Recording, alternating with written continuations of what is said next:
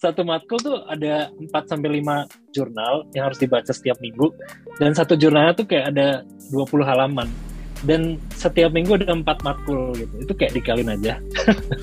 Gimana nggak kaget dari kerja kerja biasa? Terus kayak harus belajar belajar gitu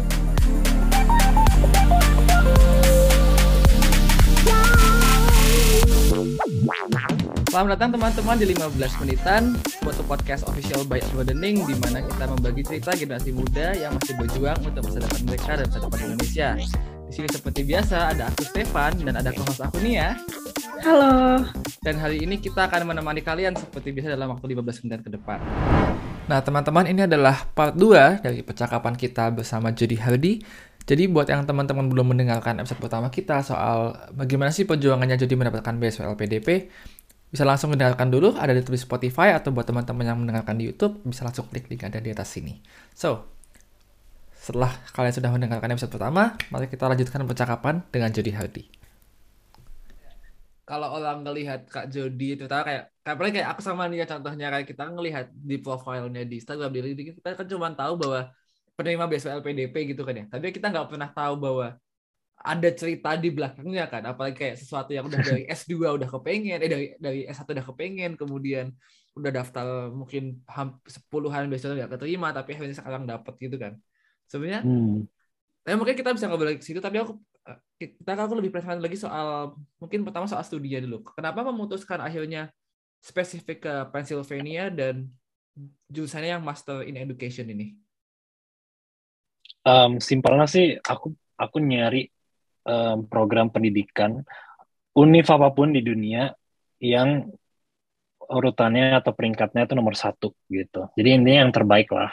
Aku nyari program pendidikan yang yang pertama sesuai dengan goalsku, terus yang kedua kualitasnya paling bagus gitu. Jadi kayak topnya gitu. Dan kebetulan adanya di Amerika gitu. Hmm. di di UPenn. Kebetulan tahun ini tuh UPenn sama Harvard tuh graduate school of education-nya dia nomor satu gitu di Amerika. Wow. Dan which is kayak di dunia gitu. Jadi ya aku itu sih alasan utama itu. Kemarin juga aku apply ke ke Columbia, Teachers College, terus Johns Hopkins juga, UC Berkeley juga gitu. Um, Oxford sama Cambridge juga aku riset program pendidikannya bagus, cuma dia lebih ke riset sih. Sedangkan aku kan orang praktisi ya, maksudnya nggak terlalu senang nulis apa ngeriset gitu aduh itu kayak nightmare banget nah makanya aku lebih ke Amerika karena orang-orang Amerika lebih kayak gitu ketimbang di Oxford atau Cambridge jadi lebih gitu sih, langsung so. kayak ngajar di depan manusia gitu ya instead of kayak doing research behind the Iya, yeah, aku lebih seneng ngelakuin project lah, project apa pun gitu. Aha. Terus gimana nih pengalamannya kayak setengah udah setengah tahun ya berarti di UPenn? Iya, udah setengah tahun. Terus gimana nih kayak apakah sesuai ekspektasi atau ada nggak pengalaman yang tiba-tiba kayak menarik gitu dapetin di sana? Um, uh, ekspektasi sih, hmm, ini kayak ini ya, buka-bukaan. Silakan, seperti biasa.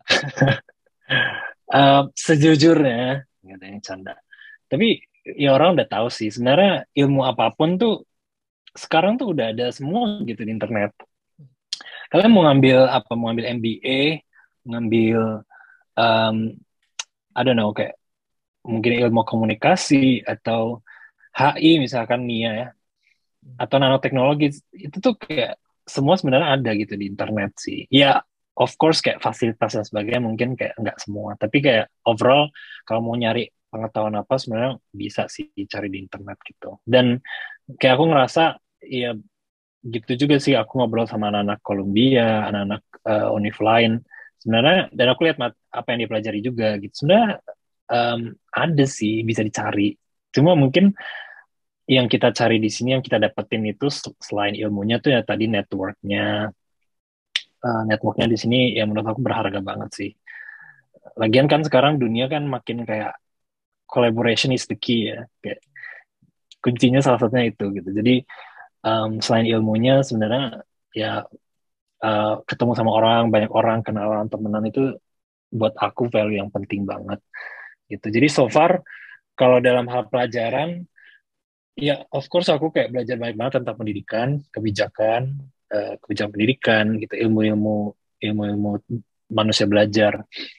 Tapi selain itu juga kayak aku banyak ketemu orang sih. Jadi aku bersyukur dan senang banget belajar banyak.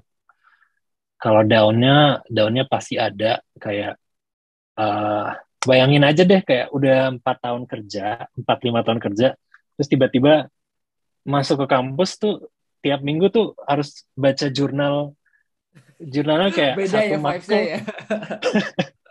satu matkul tuh ada 4 sampai lima jurnal yang harus dibaca setiap minggu dan satu jurnalnya tuh kayak ada 20 halaman dan setiap minggu ada empat matkul gitu itu kayak dikalin aja gimana nggak kaget dari kerja kerja biasa terus lo kayak harus belajar belajar gitu jadi dulu awal awal semester di sini itu kayak stres banget sih Mhm. Karena aku kan orangnya juga perfeksionis ya. Mana? Ya sekarang nggak nggak sih nggak seperfeksionis itu. Cuma tanpa realita ya. Iya. Cuma maksudnya kalau dibandingin sama pas sekolah pas S1 dulu yang kayak wah uh, harus bagus nilainya berprestasi gitu. Itu tuh kayak di sini ya harus apa ya? Harus lebih fleksibel aja sih kalau misalnya nggak memang nggak bisa dibaca semua nggak selesai ya udahlah gitu yang penting disiapin aja buat materi selanjutnya gitu-gitu aja sih tapi aku, nggak tahu sih mungkin kayak aku juga mungkin nggak jadi gue cerita tapi kayak aku merasa bahwa jadinya tuh beda nggak sih maksudnya ketika dulu mungkin awal-awal kayak dulu apalagi di SMA gitu kan kita kan kayak selalu dituntut buat mencapai kesempurnaan gitu kan meskipun kesempurnaan hanya milik Tuhan semata kan tapi kayak seolah-olah tuh kita tuh merasa kayak dengan materi-materi kuliah tadi kayak Jody bilang, kita justru lebih ditantang untuk bisa melakukan semampu kita nggak sih? Dan karena emang itu tidak didesain untuk dikerjakan 100% sampai selesai. Gitu. Benar, benar. Iya, itu Stefan tahu tuh. aku juga belajar belajar yang aku pelajari selama satu semester kemarin itu sih. Kayak sebenarnya bukan harus diselesaikan tapi intinya ya tahu konteksnya kayak gimana. Terus ambil aja yang kita sebenarnya perlu dan relevan buat kita gitu. Kalau misalnya ada sesuatu yang menurut kita susah dan itu apalagi nggak relevan gitu nggak kita butuhkan buat karir buat apa ya cukup cukup di cukup tahu aja mungkin kayak nggak dibaca full juga ya udahlah gitu. Mm-hmm. itu sih benar Stefan. Tapi ada nggak kayak satu hal yang paling menarik gitu dari yang dipelajari selama setengah tahun ini yang mungkin nggak di expect bahwa kayak bakal dipelajari gitu? Hmm, apa ya um, mungkin kayak menarik banget gimana nggak ada sisa spesifik gitu. Cuma ya aku senang aja kayak di sini um, aku ngambil matkul kebijakan-kebijakan pendidikan itu diajarin orang-orang keren gitulah kayak ada mantan dosen dari Stanford terus juga ada orang World Bank langsung dia ngajarin gimana kerjaan dia literally kayak kita tuh tugas akhirnya tuh adalah apa yang dia kerjakan di World Bank gitu. Jadi aku senang banget kayak di sini tugas-tugas dan bacaan dan materinya tuh benar-benar hands on banget dan literally yang bakal kita lakukan di dunia kerja gitu. Jadi itu hal-hal menarik sih yang aku temukan di sini. Jadi gitu. lebih ke insight-nya ya nanti yang bakal kira-kira dapat dilakukan habis iya. ini. Omong-omong hmm. habis ini kan tadi bilang kayak master kan setengah tahun dua tahun gitu udah ada plan belum habis ini mau ngapain? Aduh, aku jadi nggak enak nih kalau ceritain kan kayak padahal aku juga gak tahu gitu. Ini ini tuh manifest, manifestasi dulu tuh. Manifesting. Manifesting dulu apa yang mau dikerjain. Siapa tahu nanti kan kayak back hmm, dua tahun lalu pernah ngomong di podcast nih. Iya sih. Iya no pressure lah ya. Nah, kayak. iya. iya santai-santai. Dan manusia cuma bisa berencana kan. Terus exactly. Tuhan yang yang menentukan. Oke. Okay. Ya kalau plan abis lulus sih ada pasti kayak kayak gambaran beberapa choice gitu ya pilihan antara sini sini sini sini gitu. Um, dari dulu tetap aku konsisten. Aku seneng, aku pengen bikin sekolah. Jadi tapi ini masih belum tahu ya kayak either apakah langsung setelah lulus atau kayak mungkin kayak berapa tahun kemudian gitu. Tapi intinya aku pasti pengen bikin sekolah sendiri dan kayak learning center atau kayak education venture lainnya startup education gitu. Aku senang senang berorganisasi, senang bikin-bikin gitu project. Itu definitely kalau waktunya kapan aku belum tahu juga gitu. Um, terus tapi beberapa uh, bulan terakhir aku memang lagi semangat pengen coba uh, ke kebijakan gitu. Jadi aku pengen banget kerja buat pemerintah, jujurly, buat kayak kerja di Kemendikbud. Wow. Um, dan lagi kayak sekarang karena dipegang Nadim dan dan beberapa orang keren gitu ya, dirjennya Mas Iwan, itu kayak um, makin membangkitkan semangatku dan semangat anak-anak muda lain yang berkecimpung di bidang pendidikan gitu loh buat masuk ke pemerintah ke Mendikbud. Karena sekarang keren gitu kayak program-programnya juga um, lebih baru inovatif. Terus kayak mereka mendatangkan banyak talent-talent dari startup juga gitu. Jadi itu juga bikin semangat sih pengen kerja buat pemerintah terus kayak kalau misalnya pilihan lain yang aku pikirkan ya mungkin kayak ke organisasi internasional yang ada bagian pendidikannya education kayak misalkan World Bank atau uh, WHO eh sorry uh, PBB jadi kayak UNICEF gitu-gitu uh-huh. gitu sih itu yang masih di pikiranku sekarang tapi definitely aku masih open to any opportunity sampai saat ini gitu. tapi dari kayak pembicaraan kita setengah jam dari setengah jam ini kita tuh topik education itu kan sesuatu yang kita ulang-ulangin terus kan tapi aku masih penasaran kayak apa sih yang membuat Kak Jody termotivasi soal bidang education in the first place? Apakah ada satu kayak peristiwa atau apa yang mendorong Kak Jody? Ini aku emang kepingin banget do something in education. Hmm, ya. Yeah. um, ini kayak esai ku masuk univ nih. Tapi do it shortly and easy gitu kan di sini untuk kalangan umum. well, kayak hmm, kalau bisa ditanya kenapa pendidikan, aku jawabnya, aku mungkin kayak nggak tahu ya. Itu kayak nanya, kayak nanya pasangan, kenapa kamu mencintai pasangan kamu gitu. Kalau kita kita tulus kan kita nggak tahu ya kenapa kita senang sama dia gitu. Nah sama sih kayak di sini juga aku kenapa education sebenarnya aku juga nggak tahu gitu dari kecil. Tapi aku bisa kasih ah, indikator-indikatornya yaitu misalkan dari kecil tuh pas aku masih SD, aku senang banget tuh ngajarin teman kelasku. Kayak aku senang belajar kan dulu. Terus kayak pas di kelas pagi-paginya sebelum ulangan tuh aku kayak senang senang apa kayak uh, ngasih soal gitu. Teman-teman pada kumpul. Terus aku modif-modif soalnya jadi lebih susah dan kayak di luar yang buku yang kita pelajari gitu. Dan aku senang banget kayak dari orang nggak tahu jadi tahu orang berkembang tuh aku ngelihat orang tuh seneng gitu.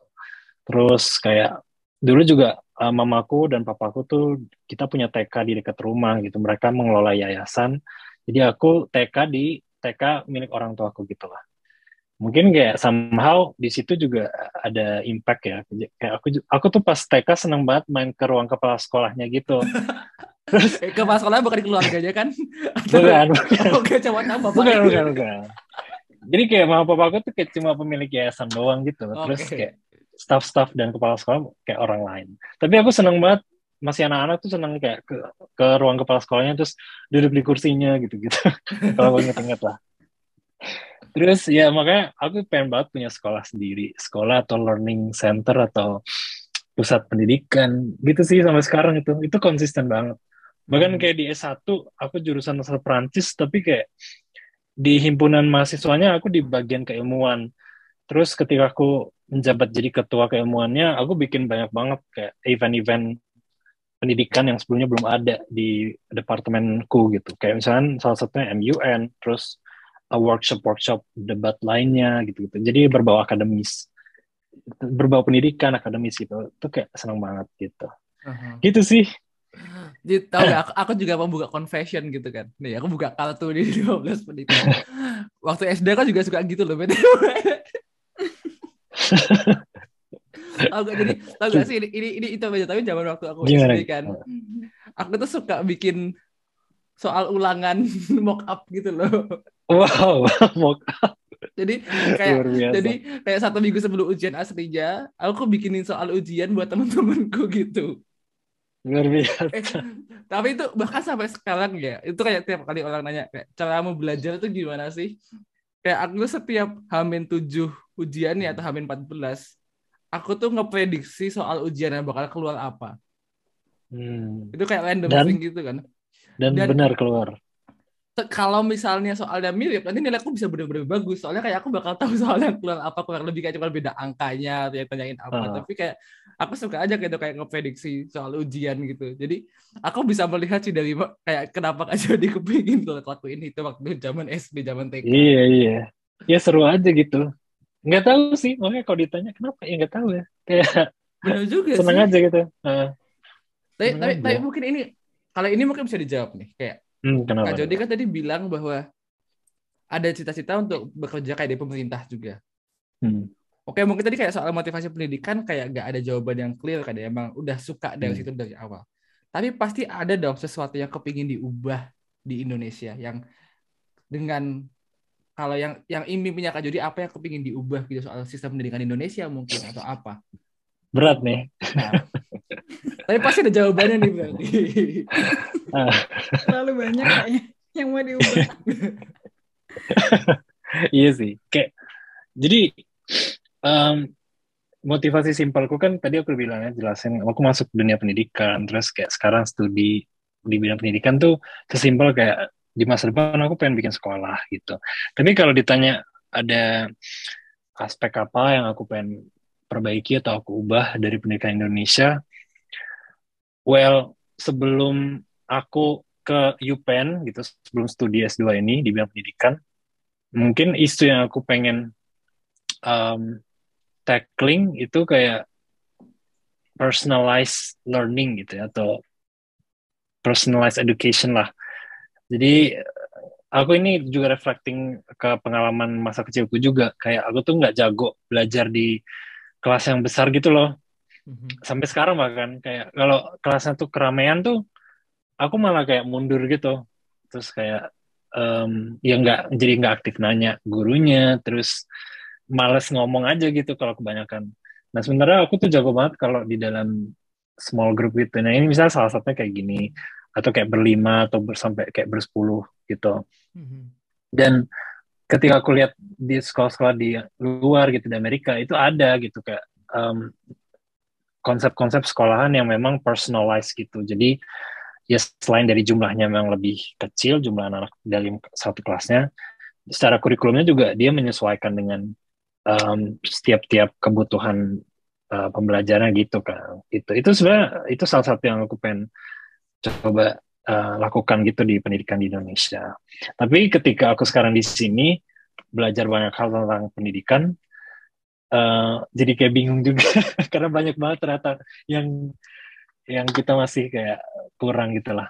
Tapi yang salah satu yang aku sadari yang paling pertama tuh akses sih. Kayak itu itu masalah klasik pendidikan di negara berkembang sih akses. Di mana pun di Amerika di Afrika di Amerika Latin di Asia di Indonesia kayak kita memang aksesnya mesti masih harus ditingkatkan dulu gitu. Baru nanti kayak ada isu-isu lain lah misalnya ada uh, teknologi dari kurikulumnya. Oh ya sama kayak belakang ini aku aku tertarik isu ini sih kayak guru gitu. Jadi jadi kayak gimana kita bikin profesi guru tuh setara gitu dengan profesi lain. Mungkin guru sampai sampai detik ini masih ada stigma-stigma ya kalau di Indonesia kayak mulai dari nggak sejahtera lah secara finansial nggak mapan gitu terus kayak secara reputasi mungkin bukan profesi yang seksi ya, apalagi buat anak muda gitu. Nah, aku pengen ya aku di sini belajar kayak ada kebijakan-kebijakan tertentu yang bikin sebenarnya bisa loh kita meningkatkan uh, reputasi dan profesionalitas dari profesi guru gitu. Hmm. Itu sih kayak banyak banget lah yang Iya, ini. kalau kita kalau ngomongin perubahan di pendidikan tuh kayak nggak bisa ngomongin satu aspek doang nggak sih? Karena iya banget banget. Bahkan ya. kayak uh, uh, uh, bahkan kayak kayak dari makro misalnya kebijakannya terus kalau mengecil dari manajemen sekolah gitu kan mengecil lagi ke manajemen kelas ngajar terus kayak kurikulumnya gitu hmm. sistemnya lebih kecil lagi bisa nyampe ke behavior dari gimana manusia belajar anak-anak psikologi anak hmm. terus lebih kecil lagi nggak sampai nano sih tapi kayak sampai ke neuron misalkan otak tuh kognitifnya kayak gitu-gitu itu di sini semua pelajari itu jadi memang menarik sekali sih banyak faktor pendidikan kita udah mendengarkan bagaimana Jody punya motivasi yang sangat besar untuk membangun pendidikan di Indonesia terutama. Tapi sampai ke titik itu di mana dia yakin bahwa edukasi adalah sesuatu yang ingin, di, ingin dia kejar itu tuh bukan suatu perjalanan yang mudah. Jadi di next episode dia bakal bercerita soal bagaimana dia meyakinkan dirinya bahwa edukasi adalah sesuatu yang pantas untuk dikerjakan dan di mana dia benar-benar passionate di bidang tersebut. So, Jangan lupa episode berikutnya kita setiap hari Selasa di platform podcast favorit kalian dan subscribe di channel YouTube kita 15 menitan podcast. Ini adalah 15 menitan unofficial podcast by Learning. See you next week. Bye bye.